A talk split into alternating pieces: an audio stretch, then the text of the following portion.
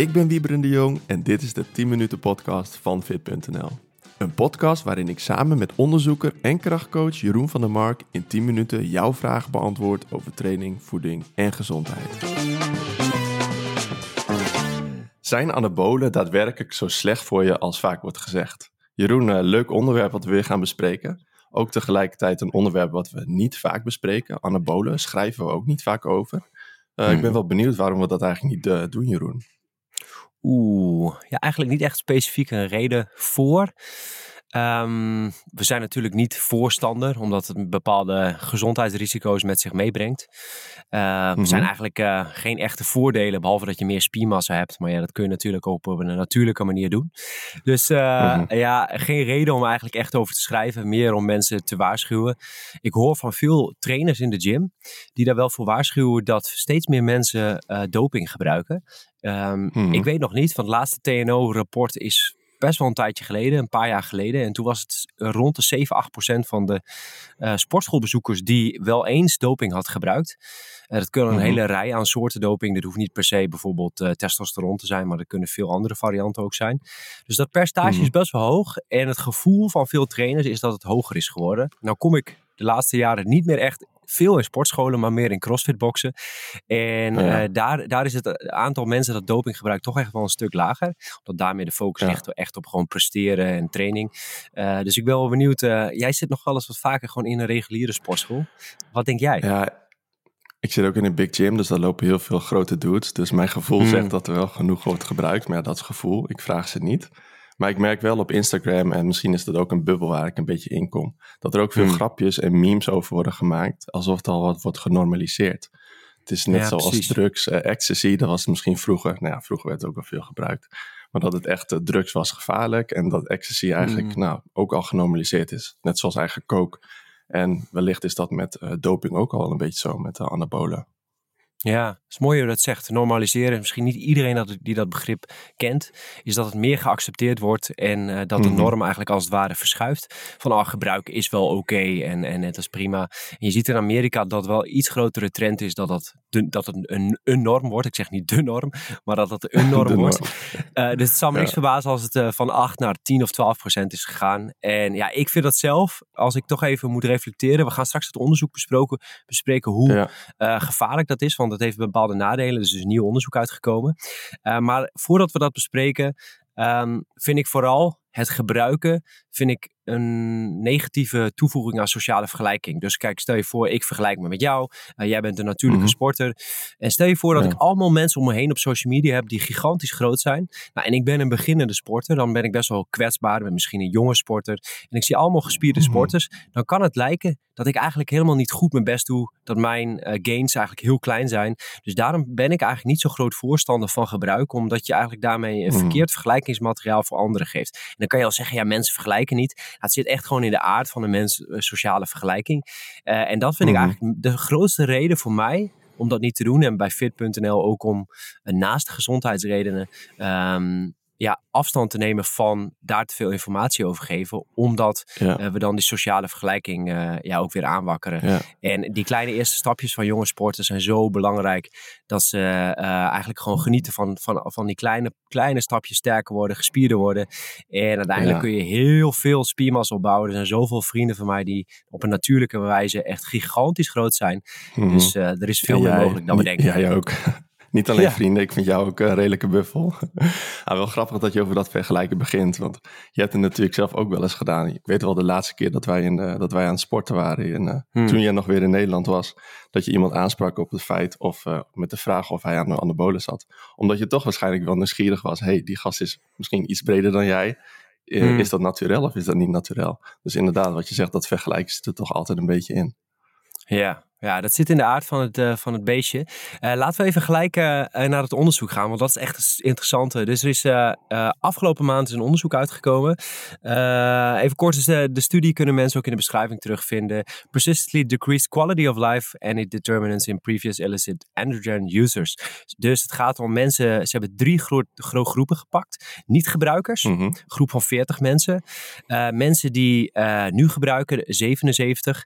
En een groep voorheen gebruikers, 118. En Mhm. die hebben ze gevolgd, ehm, die hebben ze niet gevolgd, maar dat is één puntsmeting. Dus die hebben ze op één moment gekeken. En wat is dan het verschil in de kwaliteit van leven tussen huidige gebruikers, eh, tussen voorheen gebruiken en niet gebruiken. En daarin eh, staat ook een infographic, staat, zetten we ook even in de show notes. Dan zie je dat Nog vooral... eventjes, ik onderbreek Ja, ja. jou even Jeroen. En één puntsmeting, kun je dat nog wat uitleggen?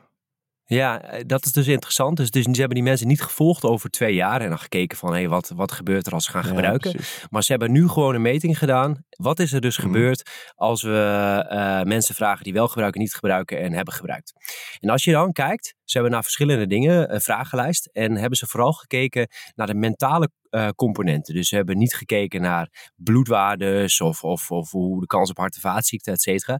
Maar echt gewoon hoe Mhm. is de ervaren gezondheid. En als we kijken naar hoe belangrijk die ervaren gezondheid is, dat is super belangrijk met de kans op overlijden. Dus dat is een hele belangrijke voorspeller. Dus als mensen zeggen, ja, dat psychologisch gebeuren en zo, dat, dat zegt helemaal niks. Nou, dat zegt heel veel. Eh, want dat is een van de belangrijkste, dus de, perce- de perceptie van mensen. Nou, en als we dan kijken naar de mentale gezondheid, eh, dus de huidige mentale gezondheid, zijn voormalige gebruikers die scoren echt duidelijk lager. Ehm, echt duidelijk lager dan bijvoorbeeld huidige gebruikers en niet-gebruikers. Dus dan zie je huidige gebruikers scoren ehm, ook nog weer een stukje beter dan voormalige gebruikers. Want die zitten misschien nog een beetje in die positieve vibe van het gebruiken. Maar dat zien we, zien we niet Mhm. alleen daar. Maar we zien het ook bijvoorbeeld bij sociaal functioneren. We zien het bij vitaliteit. Dus hoe een beetje hoe fit en vitaal je voelt. Eh, we zien het bij lichaamspijn. Dus voormalige gebruikers ervaren ook meer lichaamspijn dan niet-gebruikers. Ehm. En ook gewoon dag- dagelijkse tij- eh, taken. Bijvoorbeeld dat je eh, even moet, de tuin moet doen. En, en, en daar bijvoorbeeld de energie daarvoor, maar ook de pijnscores. Dan zien we toch dat voormalige gebruikers een stuk slechter scoren. Dus across the board, bij alle ehm, zelf gescoorde punten rondom sociaal-psychologische factoren en taken, zie je dat voormalige gebruikers minder goed scoren dan huidige gebruikers en niet-gebruikers. Ja, het is dus wel belangrijk voor de eh, huidige gebruikers dat ze wel kijken naar zo'n onderzoek, helemaal voor de lange termijn. Aangezien je gezondheid er niet op vooruit gaat. En de, huidige gebruikers denken waarschijnlijk, oh, ik zit wel goed in mijn vel, gaat lekker. Ik ben lekker in de gym aan het sporten en mijn gains die groeien. Maar het is belangrijk om naar de lange termijn effecten te kijken. Ja, ja dat, eh, dat ben ik helemaal met je eens. En als ik dan een, eh, om een oud gebruiker en eh, een vriend van mij, arts, dus die ook mensen coacht, zeg maar als het ware, Mhm. met gebruik. Emiel Veenstra, Mhm. en die gaf een mooie quote hierover. En die zegt, je hebt als, als gebruiker, en die dan stopt, je hebt weken of maanden Mhm. lang de ervaring gehad, je hebt weken of maanden lang de ervaring gehad om hoe het is om in een Porsche te rijden. En als je stopt, Ja. is het dat je in een Renault Clio zit en het is allemaal niet meer zo indrukwekkend meer. Dus het is ook mogelijk. eh, ik rij een Renault, eh, Jeroen. Oké, nou goed. Het is maar goed Dank dat jij je. misschien nooit, nooit in die Porsche hebt gereden. Dat is ook niet nodig in Nederland. Nee, Waarom zou je. Porsche überhaupt willen? Maar goed, dat is dus ook mogelijk de basis voor een verslaving bij het gebruik van anabolen. Omdat Mhm. stel je voor, eh, je, die energie gaat weg, dat positieve gevoel gaat weg, die vitaliteit gaat weg. Want dat is een extra boost. Ja, dan, dan ga je weer terug naar die wat langzamere auto. En dan wil je weer terug gaan. Mhm. Dus dat is mogelijk, jaagt ook weer eh, extra gebruik of verslaving aan. En verlies je dan ook zo snel weer spiermassa? Dus is het ook daadwerkelijk dat je in die Renault stapt en dat je er ook zo uitziet als die Renault? Of is het gewoon dat je je zo voelt als die Renault? Al moet ik je eigenlijk, eh, daar weet ik de onderzoekscijfers niet van. Eh, ik weet wel dat als jij voormalig eh, gebruiker bent dan van doping, van bijvoorbeeld testosteron, dat het mogelijk dat je iets Mhm. meer satelliet, satellietcellen kunt opbouwen en dat je wel een licht voordeel hebt ten opzichte van helemaal niet-gebruikers. Dus hoe snel dat die extra spiermassa weg hebt, ehm, Mhm. ik denk dat die wel over de maanden wel een groot deel wegvalt. En van de mensen die ik in de praktijk heb gezien, Ja. eh, die ook gebruikt hebben, dan zie ik eh, dat ze niet eh, als die Porsche rond blijven lopen. Je verliest toch wel Nee, een deel van de massa. Ja, ja, duidelijk. Hey, nog even over dit onderzoek dan weer. Ehm, zijn er mensen, of is er ook getest op de lange termijn als je kijkt naar eh, hart- en vaatziekten? Want mensen die, eh, dit ging over een score die mensen zelf geven op basis van hun gezondheid. Eh Mhm. Kijk ze hier ook naar een van de belangrijkste dingen, inderdaad, lange termijn hart- en vaatziekten. Ja, nou daar zijn een andere studie wel, wel naar hebben gekeken. Die werd ook gequote in deze studie. En dan zie je wel dat het kan leiden tot diverse uh, gezondheidsrisico. Je ziet soms wel hartfalen voorkomen. Grotere kans op uh, hart- en vaatziekten. mogelijk wat meer um, vernauwde aderen. Dus er zijn wel dingen die bij ook echt heel fanatieke bodybuilders ziet. Maar we weten nog niet zo goed bij welke hoeveelheid doping, testosteron dat precies gebeurt. En er zijn natuurlijk ook niet alleen maar mhm. testosteron. Er zijn veel andere vormen van doping die er ook zijn. Welke combinaties combinaties dan eerder fataal zijn. Dus er is eigenlijk veel te weinig onderzoek bekend over dit onderwerp. Maar als ik nou zou mhm. moeten zeggen, om een advies zou geven. Uh, we hebben deze, deze vraag hebben we ook voorgelegd. Bestaat er eigenlijk veilig kuren? Want dat is de vraag die veel, veel, veel mensen hebben die dan uh, testosteron willen gebruiken. En toen zei um, arts Pim de Ronde, die wij in de podcast uh, hadden, die ook een, een soort van dopinglab heeft, waarbij die mensen onderzoekt, um, zei hij eigenlijk veilig kuren bestaat niet. En het kan zijn omdat mhm. die mensen eigenlijk een beetje wil uh, de gezonde richting in wil, wil duwen. Om niet ja, een stukje bescherming. Uh, maar we hebben ook nog te weinig onderzoek om dat duidelijk, uh, duidelijk te krijgen. En de reden ook daarvoor is, is dat je dit niet door een medische ethische commissie krijgt. Want uh, je kan heel moeilijk door een medische ethische commissie één onderzoeksgroep die doping gebruikt en, en die je dan gewoon doping geeft en een andere groep niet. En tegelijkertijd zijn er wel zoveel mensen die daadwerkelijk wel willen gebruiken. Waarom kun je die mensen dan niet vragen om, als ze toch al gebruiken, eh, deel te nemen aan zo'n onderzoek? Net zoals hier bijvoorbeeld. Ja, nou wat, wat ze dan onder andere bij dat Nederlandse onderzoek van Pim de Ronde doen, is dat ze uh, dan de hoeveelheid gaan reduceren en de uh, dopingnamen wat, wat uh, passender maken naar de persoon en mogelijk wat verlagen. Dus, en dat, dat mocht dan wel volgens de ethische commissie, maar we zijn er nog niet helemaal mee. Het, is, het moet nog een beetje, we zijn nog niet progressief genoeg in de onderzoekswereld om, uh, om dat eigenlijk toe te staan. Dus wie weet gaan we dat in de toekomst wel doen en dan kunnen we meer zien wat de gezondheidsrisico's zijn. Ehm, maar momenteel mist dat dus en dat is echt een groot gemis. Oké, nou wel interessant. Uh, als mensen nou wel, want er zijn vast wel wat mensen die dit luisteren en die denken, hmm. ja, ik wil toch uh, doping gebruiken. En ik weet, wij raden het af, dus we gaan niet zeggen, ja, dat moet je doen. Maar stel die dus mensen willen dat wel doen kun je niet vinden bij ons ja. dat is een goed bruggetje inderdaad.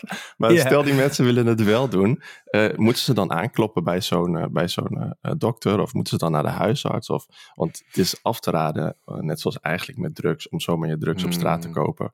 En dat dan te nemen. Want het is toch gedoogd een soort van, hoe, hoe, hoe is dat met in, die, in dat wereldje? Ja, dan zou ik, eh, ik noem, benoemde al even Emiel Veenstra, uh, vriend van mij, een mhm. arts, en die dus mensen daarin in adviseert. En die zegt ook heel vaak, ja, nee, is niet nodig, je testosteronwaardes, want dan kan je je bloedwaardes laten checken en dan kijk je hoe zij is testosteron. Er was gisteren nog een man die mhm. naar me toe liep en die zei, wat gebruik jij? En uh, kan ik, uh, ik wil ook dat. Compliment. En, compliment. Ja, dat mooi compliment, een mooi compliment. Ik zei, ja, ik gebruik whey en creatine van fit.nl. maar ik zei, die kun je niet kopen in Indonesië. maar, maar even zonder grappen.